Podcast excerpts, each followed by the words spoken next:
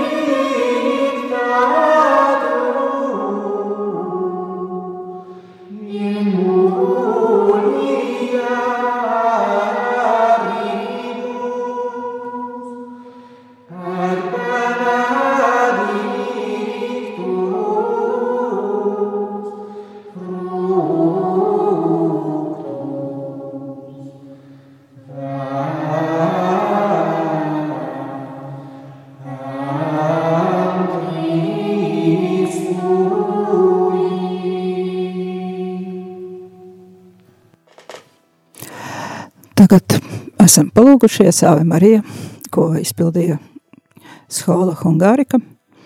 Un tā tad turpinās raidījums vairāk ties manī. Ēterā esmu Sandra Preisa. Un tā tad šodien par morālu teoloģiju, bet ar vienu tādu pavisam realistisku ievadu un aktuālu. Un nobeigumā varbūt arī mazliet sapratīsim, kā šis ievads saistās ar morālu teoloģiju. Tātad tie būs daži citāti no, no sabiedriskiem medijiem par to, kas notiek Latvijā. Un konkrēti mēs droši vien zinām, ka 12. decembrī viena mūsu tautas daļa uh, salasījās uz diviem mītiņiem. Viens notika Krastmalā, otrs notika pie brīvības pieminekļa, abi saplūda kopā. Uh, Katrs bija atļauts 25 cilvēkiem piedalīties, bet cilvēku bija nu nesalīdzinām vairāk. Un tā tad eh, ir eh, tādas, eh, ir arī atsauksmes, protams, medijos par šo. Uh, nu, raidījums klausoties, mēs visi droši vien jau esam sapratuši, ka, lai arī kādu reliģiju, viedokļu vai vārdu brīvību mēs sludinātu, šī brīvība vienmēr būs ielikta kaut kādās robežās. Realitātē mēs redzam, ka ja kāds grib paplašināt brīvību, tad tas parasti notiek caur mēģinājumu ierobežot kādas citas personas vai grupas brīvību. Veselais saprāts, protams, saka, ka tā tam nevajadzētu būt. Bet tomēr jāsaprot, ka cilvēka daba ir tāda, kāda tā ir. Un baznīca saka, cilvēka daba ir laba, bet grēka ievainota. Jo visu, ko Dievs radīs, visu viņš radīja labu. Un atceramies radīšanas grāmatā, ka Dievs pēc radīšanas novērtēja visu labu esam. Lūk, un tādēļ, ka tomēr cilvēka daba ir tāda, ka ir, tā, ir tie mēģinājumi ielausties otru robežās un to savu brīvību kaut kādā veidā izplatīt pāri citu cilvēku brīvībai, tad cilvēkiem, protams, rodas arī nepieciešamība savas robežas sargāt. Sargāt gan personiskās robežas, gan valstu robežas, gan savas fiziskās robežas, gan garīgās. Ja cilvēki jūtas apdraudēti un īsti neizprot, kas notiek, tad atklātībā parādās viss.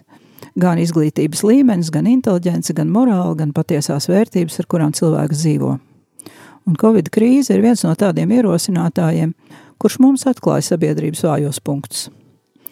Jautājums patiešām ir ļoti sarežģīts, un arī šobrīd cilvēkiem ir ļoti dažādi izpratni par demokrātiju un tās sniegto brīvību.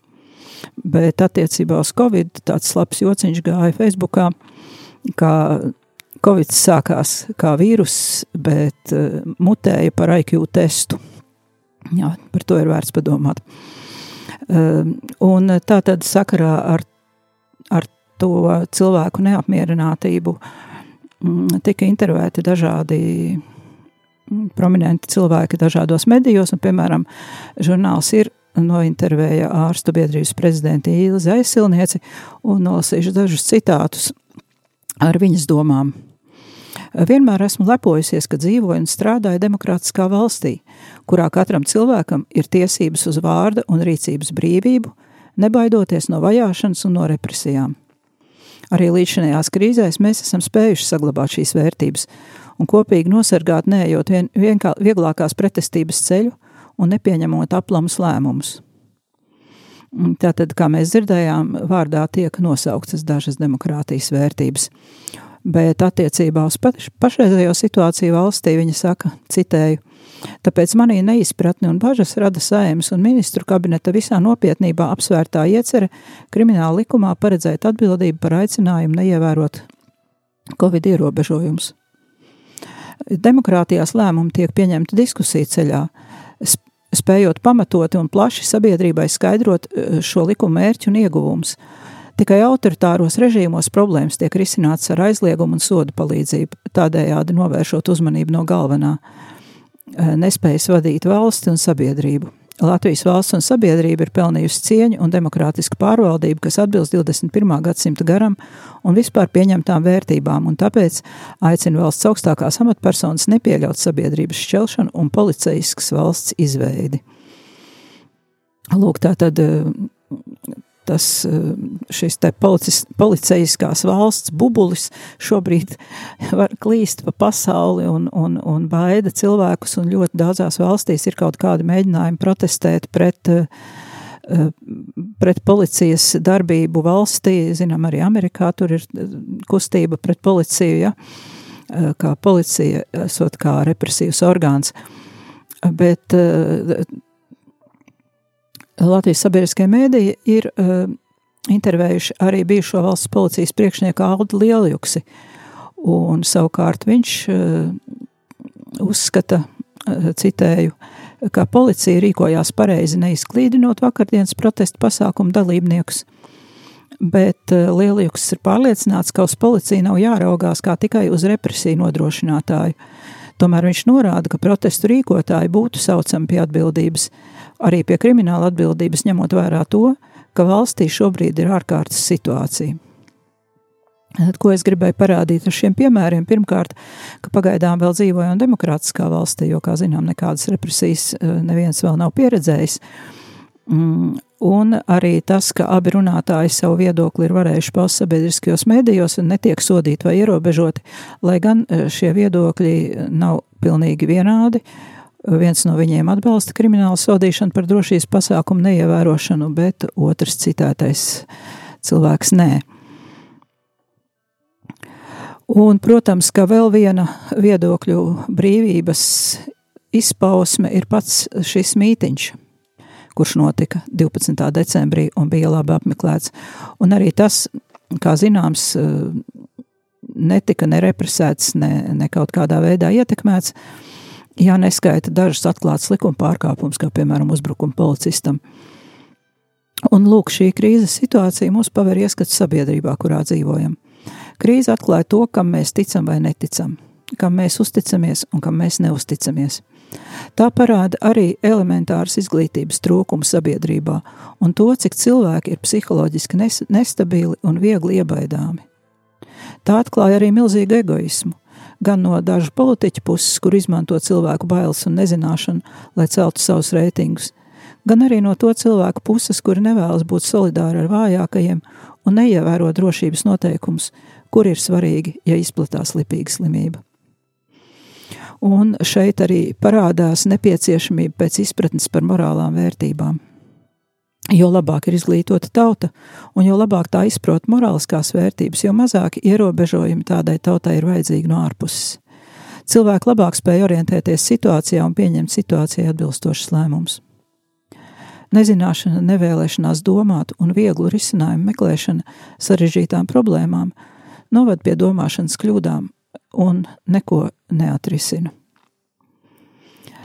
Katram no mums ir sava vērtību sistēma, kuru ir veidojuši visdažādākie faktori, un tomēr nenoliedzami ir tādas vērtības, kuras palīdz veidot sabiedrību un saskaņu tajā vidē, kurā dzīvojam, un ir tādas vērtības, kuras pat grūti saukt varbūt par vērtībām, kuras šo saskaņu grauj. Lai gan vidas un audzināšanas ietekme ir neizbēgama, Pieaudzis cilvēks tomēr tikai pats ir atbildīgs par to, kādā vērtības sistēmā viņš dzīvo un realizējas. Un, kā redzam, šeit atkal parādās jautājums par to, kā mēs izprotam brīvību, vai brīvība ir izvēle starp labo un ļauno, vai brīvība ir vienmēr meklēt labāko.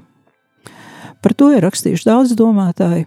Mēs mazliet iepazinām tos, eh, kuri ir bijuši pirmie lielākie, eh, kas par šo tēmu ir runājuši un tādēļ arī atstājuši tādu fundamentālu iespaidu uz Eiropas sabiedrības veidošanos. Tātad mēs runājam par Akvīnu Stomu un par Viljamu Okhamu.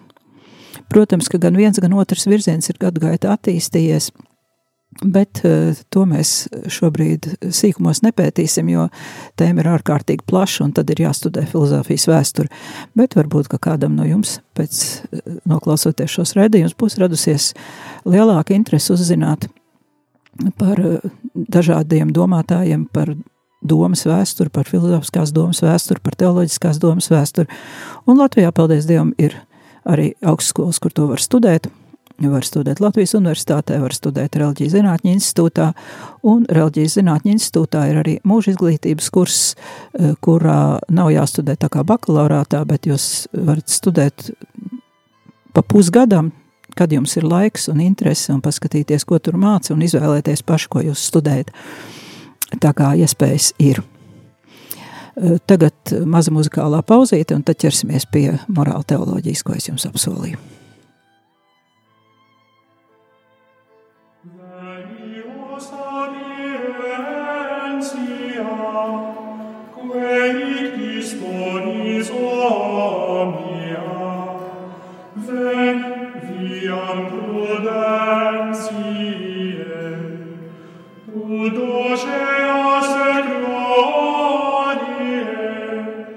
Go!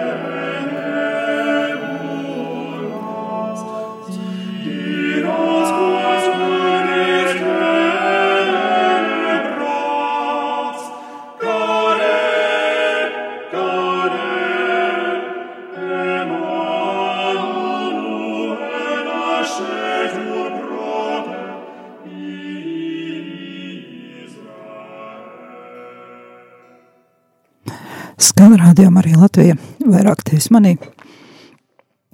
Un ar jums kopā es Sandra Preisa, turpinam raidījumu par morāla teoloģiju. Un turpmākais materiāls būs eh, daļēji no maniem eh, lekciju pierakstiem, jo es kādreiz studēju eh, šajā pašā Rāzī reliģijas zinātņu institūtā, un tas gan bija pirms daudziem gadiem, tur bija pasniedzējis Vladislavs Lapils, kurš tulkoja kādu ļoti labu morāla teoloģijas grāmatu un e, pasniedza mums no šīs grāmatas materiālu. Un arī viņš man iedeva savus tulkojumus, un no tā visa kopā šodien raidījums. Tātad grāmatas autors ir Servē Teodors Pinkers, dominikāņu priesteris, e, kurš e, nomira 80 pāri gadu vecumā, kādus 5 vai 8 gadus atpakaļ, un viņš strādāja Freiburgas universitātē par pasniedzēju, un bija arī vieslektors daudzās citās universitātēs, un uh, vairāk Latvijas priesteri ir studējuši pie viņa personīgi, un arī, kas nav viņu personīgi pazinuši, ir studējuši no viņa grāmatām morāla teoloģiju. Un uh, šis te viņa darbs, morāla teoloģijas vēsture, ir ārkārtīgi fundamentāls, Eh, man ir tikai daži nelieli fragmenti, bet es ceru, kādu no jums ieinteresēt, eh, jo šis darbs nav tulkots latviski, protams. Tas ir pieejams franču un poļu valodā, eh, ļoti iespējams vēl kādās, bet man nav informācijas. Un varbūt, ka kādam klausītājam būtu interese mm, šo darbu patulkot. Jo būtu skaisti, ja mēs Latvijā varētu šo grāmatu izdot, jo tādas informācijas latviešiem Latvijā vispār ļoti trūkst, un tas varētu būt labs materiāls gan tiem cilvēkiem, kuri vienkārši vēlas iepazīt baznīcas mācību dziļāk un tieši mācību par to, kā mūsu uzvedība ir saistīta ar Dieva atklāsmi, kā mūsu rīcība ir saistīta ar to, ko Dievs mums atklāja un uz kurien viņš mūs ved. Uh, Un tāpat noteikti šis darbs būtu interesants arī cilvēkiem, kuri nav katoļi, bet kurus vienkārši interesē, kam tad īsti tie katoļi tic un, kas, un kāda tad ir morāla teoloģijas vēsture. Jo ļoti liela daļa vēstures visām baznīcām ir katoļu baznīcas vēsture, jo, kā zinām, protestantisms eh, bija daudz vēlāk nekā nodibinājās baznīca, tā tad eh, pati baznīcas vēsture, sākot ar Jēzu un baznīcas tēviem, līdz pat Mārtiņam Luteram, mums visām baznīcām ir viena vēsture.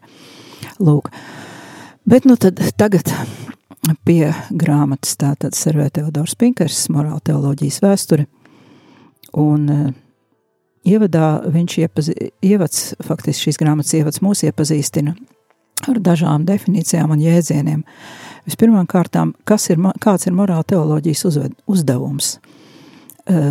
Pirmais - pievest cilvēku līdz ticībai, kura balstās uz saitēm ar Dievu, un uzrādīt to, kā dzīvot sadarbībā ar žēlastību. Otrais uzdevums morāla teoloģijai - tā ir kalpones loma attiecībā uz cilvēku pestīšanu. Tad kādi ir morāla teoloģijas avoti? No kurienes tā smeļās vispār to informāciju. Tātad pirmais svētie raksti, kas lasīti baznīcas tradīcijā, otrais baznīcas maģistērijas, trešais baznīcas tēva autoritāte, ceturtais uh, prāts, kas ir apgaismots ar ticību, un piektais ir dzīves pieredze konkrētos dzīves apstākļos. Un kāda ir morāla teoloģijas vieta attiecībā pret līdzīgām zinātnēm, tad morāla teoloģija varētu salīdzināt ar ētiku. Ētikas priekšmets ir cilvēka rīcība, bet morāla teoloģijas priekšmets ir Dievs, kurš izpaužas cilvēkā caur žēlastību. Un morāla teoloģija balstās uh, uz ētikas uh, un to pilnveido. Un uh, nedrīkstētu būt kā ir pretruna starp ētiku un morāla teoloģiju. Un eh, cilvēkus, kurus interesē tāds jautājums kā zinātniskums, tātad morāla teoloģija zinātniskums. Eh, savu teoloģijas summu Akvīnas Toms sauc par sciencija, jeb zināšanas. Un zināšanas sevī satur dāvanas elementu. Runājot par teoloģiju, šī dāvana ir atklāsme. Filozofija iet uh, pa atklāsmes ceļu ar savu termin, terminoloģiju un metodi un kārto atklāsmi. Teoloģijas zinātniskais status Sakvīnas Toma skatījumā balstās uz to, ka tā kārto to, kas ir dots atklāsmē dabas zinātnēs. Un par izejas punktu kalpo fakti, no kuriem tad nonāk līdz principiem morālajās zinātnēs. Un šī atšķirība ir tāda, ka dabas zinātnes tā tad uh, nonāk uh, caur faktiem uz principiem, bet morālās zinātnes nonāk caur principiem pie faktiem. Tā varētu teikt. Un ievads. Ievadā autors uh, skaidro, kā ir noticis tas, ka ikdienas izpratnē morāli tika nelaimīgi saprasta un apkopota vienīgi ap šādām tēmām kā pienākums, dabiskais likums un dekalogs, jeb desmit baušļi. Eh, un šīs tēmas izsauc aizstāvēšanās reakciju, lai cilvēks sargātu savu brīvību pret ierobežotāju, pret likumu. Un eh, pārāk maz vai nemaz morāla teoloģijā ir bijusi pievērsta uzmanība, piemēram, Jēzus atveda runai, kur starp citu tiek solīts, ka kas uz mani tic, tas darīs tos darbus, ko es daru, un vēl lielāks par tiem darīs, jo es aizēju pie tēva Jāņa Evanģēlis 14, 12. Autors raksta, ka lielam vairumam katoļu garīdznieku un eh, arī katoļu lajiem morāli pirmkārt asociējas ar vārdu pienākums. Un tā ir pienākums un dievu un baznīcas uzliktā ārējā likuma izpilde. Eh, par to, ka baznīcā šāda morāls izpratne nav dominējošā, un arī tas, ka baznīcas garīgo dārgumu krātuvē pastāv arī cita perspektīva, kas balstīta uz daudz gadsimtu tradīciju, eh, kas ir balstīta uz dievu žēlstības dāvans un dabiskām alkām pēc laimes un nevis vienīgi pēc pienākuma. Par šo daudz kristieši vienkārši nezina. Morāls skatījums vienīgi caur baušļu prizmu, un vēl turklāt Eh, ja tie tiek saprasti eh, voluntāriskā veidā, brīžiem ir tuvāks farizēju etosam un nevis evaņģēliem. Šāda pieeja izraisa saprotamu pretošanos no domājošu un patstāvīgu cilvēku puses, kur vēlās attīstīt savu brīvību uz labumu un briedumu, bet jūtas saistīti un noslāpēti valdošajā morālismu klimatā.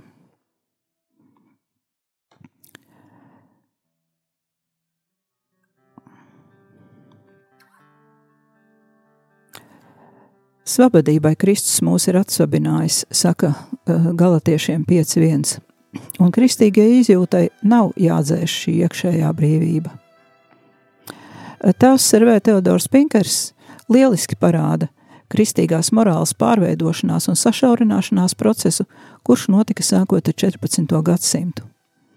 Uh, piebildīšu, ka 14. gadsimts ir tieši tas laiks, kad uh, dzīvoja Viljams Okams, un 13. gadsimtā nedaudz pirms Okam dzīvoja arī Akvīns Toms.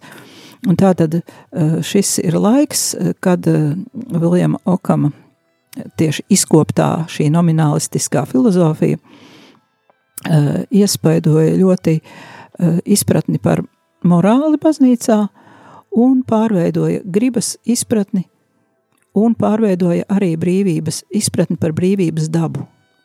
Un par divām brīvības izpratnēm mēs jau runājām, un uh, dzirdējām raidījumu, kurā mēs stāstīju par uh, šīm te fundamentālajām atšķirībām starp Akvīnas Tomu brīvības izpratni un Viljama Okam brīvības izpratni. Un lūk, šī te uh, Okam brīvības izpratne uh, caur nominālismu ienāca mm, baznīcā, kristīgajā filozofijā, un uh, brīvības dabas izpratne un gribas izpratne eh, sāka eh, balstīties tā kā šajā filozofijā. Un tādā veidā tika padarīta neiespējama kristīgo pamatnorādījumu izmantošana eh, kristīgajā morāles orientācijā. Un kas ar to ir domāts, tātad kalna mācība, svētā apustuļa Pāvila mācība, svētā Augustīna mācība un arī svētā Akvīnas Toma sintēzes, jeb viņa, nu jā, viņa sintezētā teoloģija, kuru viņš bija ņēmis par avotiem eh, dažādus baznīcas tēvus. Eh, tātad nominālismā rezultātā radās tāda saucamā kazuistiskā nostāja no vārda kāzus, kas ir notikums, kaut kāds viens notikums.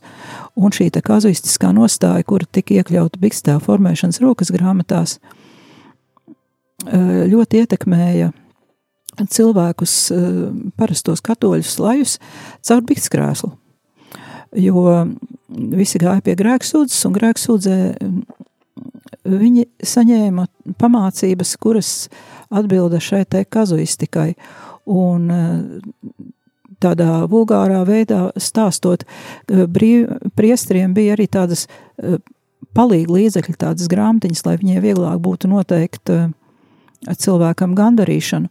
Un šajās grāmatiņās bija vienkārši tā, tādam grēkam atbilst tāds gandarījums, tādam grēkam atbilst šitāds gandarījums, šitam grēkam vēl tur kāds cits gandarījums atbilst. Uh, No vienas puses, Bikstēvam, protams, bija vieglāk uh, dot gandarījumus cilvēkiem, bet uh, tas uh, viss pārvērtās, pirmkārt, tā grēksūdz pārvērtās par tādu tirgošanos, un arī cilvēku izpratnē tā pārvērtās par tādu, ka tā ir tāda tirgošanās ar Dievu, no es tur kaut ko izdarīju, un par to es tagad samaksāju, un viss, ja, tāda mm, diezgan vulgāra izpratne, teiksim, par, uh, par grēku un par dievu žēlastību, ja, ka šeit jau žēlastībai paliek maz vietas, vairāk ir šī tirgošanās. Un arī tad veidojās šī izpratne par morāli, kur ir tikai likumu un pavēļu izpildīšana. Un tādā, tādā veidā šis princips atņēma daudziem kristiešiem visgarīgākos un visatbrīvošākos labās vēsts aspektus jo notika pārmērīga pienākuma akcentēšana. Eh, un tagad nedaudz par eh, eh, patristikas laika posmu morāla teoloģijas vēsturē un labums no morāla teoloģijas vēstures un ar to saistītās grūtības. Tātad tas tāds tā kā ievads. Baznīcā mēs visi vāji pārzinām morāla teoloģijas vēsturi.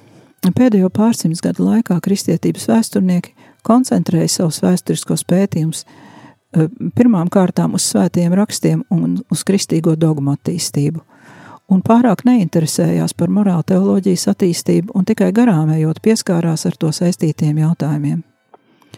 Mūsu laikos morāla teoloģija, atdalīta no dogmātikas, kļuva par nabadzīgo radinieci teoloģiskajām un vēsturiskajām zinātnēm.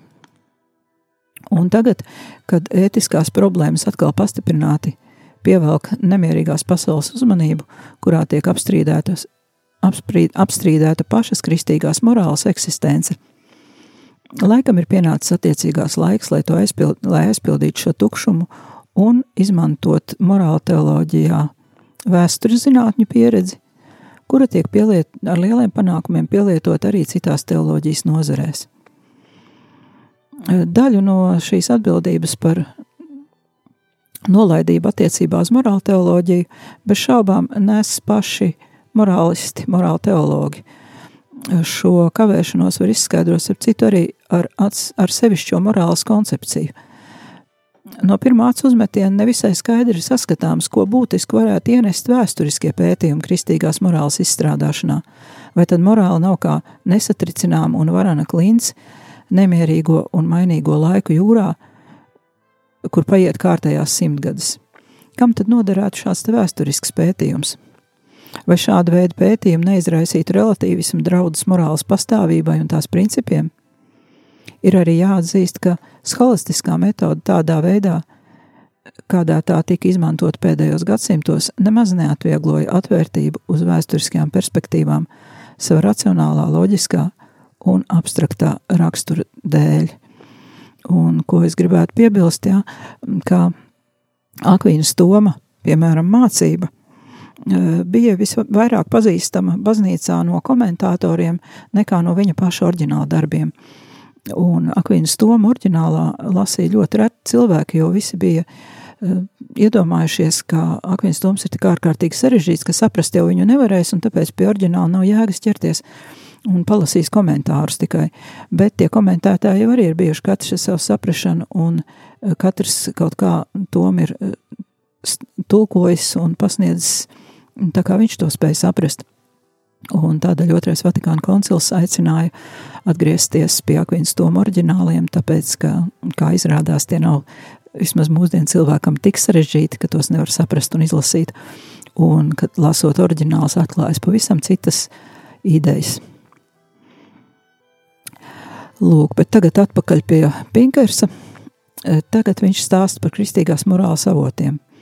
Un vispirmām kārtām, mm, lai vispār saprastu, par ko mēs runājam, vislabāk būtu definēt lietas. Un e, tā tad vispirmām kārtām, kas tad ir morāla teoloģija, vai to var definēt un kā to var definēt. Pastāv dažādas morāla teoloģijas definīcijas un koncepcijas. Kas ir morāla teoloģija? Gadās, ka visvienkāršākie jautājumi, kurus varētu uzdot bērns, ir visi tie pamatīgākie un visgrūtākie.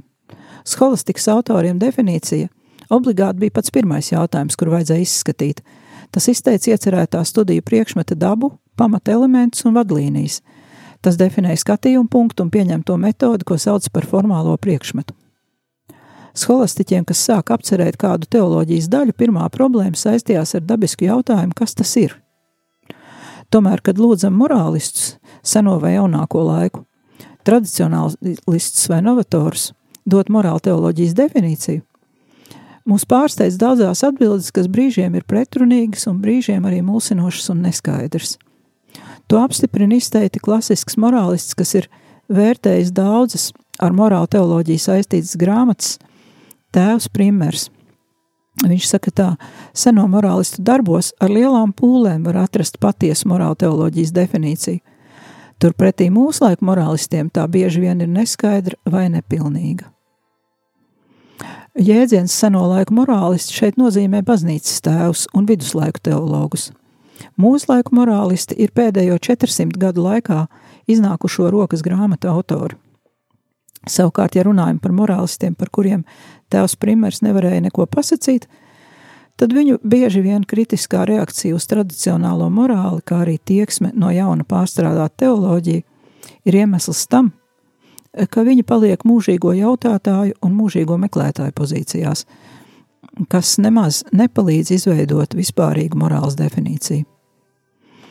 Šeit mūsu norādītās grūtības ir nopietnas, taču tās nedrīkst mūs iebiedēt. Ja mēs ieskatīsimies tuvāk, varbūt tās ienesīs kādu skaidrību mūsu uzstādītiem jautājumam. Bet tik reiz, lai atceramies, ka šis šķietam vienkāršais jautājums ir nopietnāks nekā tas mums varētu likties, un bez šaubām tam arī ir bīstamas sekas. Tā arī mūsdienu zinātne, nosakot savus robežas, kā arī definējot savu priekšmetu un metodas, piedzīvo grūtības, bet grūtības nav traucēklis tās pastāvīgai attīstībai. Līdzīgi teologa darbs un ļaužu morāles apcer var veicināt sekmīgu attīstību, panākot kopīgo vienošanos jautājumā, par atbilstošu un precīzu de definīciju. Kad, jā, kad citus cilvēkus ir jāiepazīstina ar šo zinātni, ir loģiski balstīties uz definīciju, taču tās atklāšana norisinās pilnīgi pretēji. Tikai pēc daudziem rūpīgi veiktiem pētījumiem, pēc iegūto rezultātu un izmantotās metodas analīzes, var visprecīzāk formulēt definīciju. Jebkurā gadījumā studentiem un lasītājiem, kas pirmoreiz saskars ar šo svētās zinātnes jomu, ir nepieciešams dot labu definīciju. Tajā ir jāsaskat kaut ko vairāk par prastu formulu vai viegli iekaļamu pantiņu. Definīciju mēs varam salīdzināt ar staciju, no kuras mums ir jāizbrauc. Vieniem tā ir gaidītais ceļa mērķis, pie kura nonākts pēc pacietīgi veikta meklējuma, otriem, kam ceļojums sācies, Tā ir atskaites punkts, kas norāda uz viņu izvēlēto virzienu. Īstenībā katra definīcija ir kāda noteikta virziena, kādas noteiktas koncepcijas negrozām izvēle, un ir svarīgi to atklāt. Mūs nedrīkst iebiedēt arī grūtības, kādas pastāv starp dažādu morālistu, morāla teoloģijas formulējumiem. Tās mūs brīdina, ka šajā jomā nekas nav pats par sevi saprotams. Morāles darbība pamatprincipu un ierobežojumu atklāšana prasa padziļinātu analīzi. Morāla ir nevien lieta, kas parādās, ievērojot paklausību, tā prasa likt lietā arī mūsu prātu. Tā nav arī pašu speciālistu privilēģija, jo mācītie un gudrie mēdz kļūdīties tur, kur vien tieši zina atbildi un zina, kā nonākt pie mērķa. Morāli šķiet ir tā zinātne, kura visciešāk vieno dažādus ļaudis, lielos ar mazajiem, mācītos ar vienkāršajiem, kā arī zināšanas, kuras nevar iztikt bez citiem cilvēkiem, kurās viena cilvēka pieredzes augļi tiek bagātināta ar otru cilvēku pieredzi. Tādā veidā pienākums atklāt atbilstošu definīciju skar mūs visus.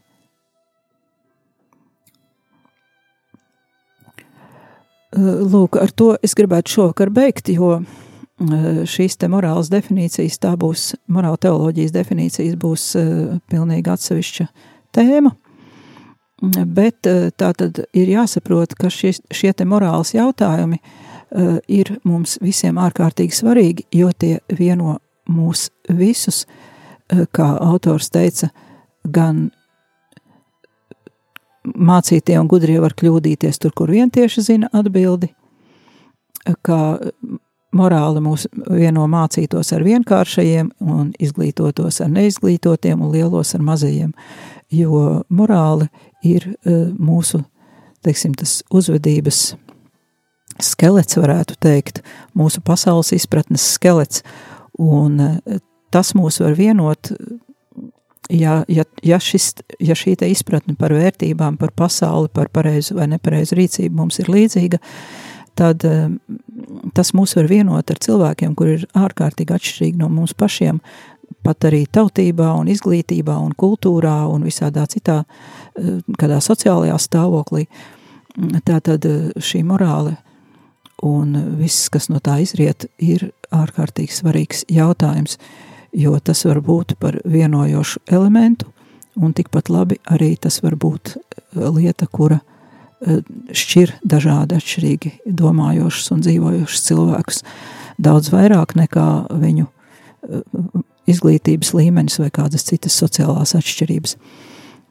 Tātad nākamajā reizē formulēsim šīs te morāla teoloģijas definīcijas un arī tad uh, paskatīsimies, kādā veidā šīs dažādās definīcijas ietekmē mūsu šodienas dzīvi, izpratni par lietām un arī par tām, eh, par, par to, ko es šodien raidījuma sākumā stāstīju par šiem dažādiem viedokļiem attiecībā uz likumiem demokrātijā.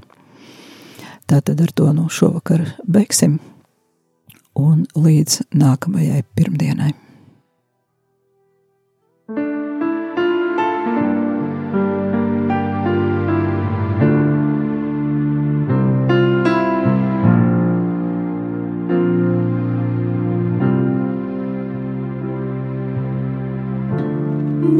Christi pas vēl spēlēt.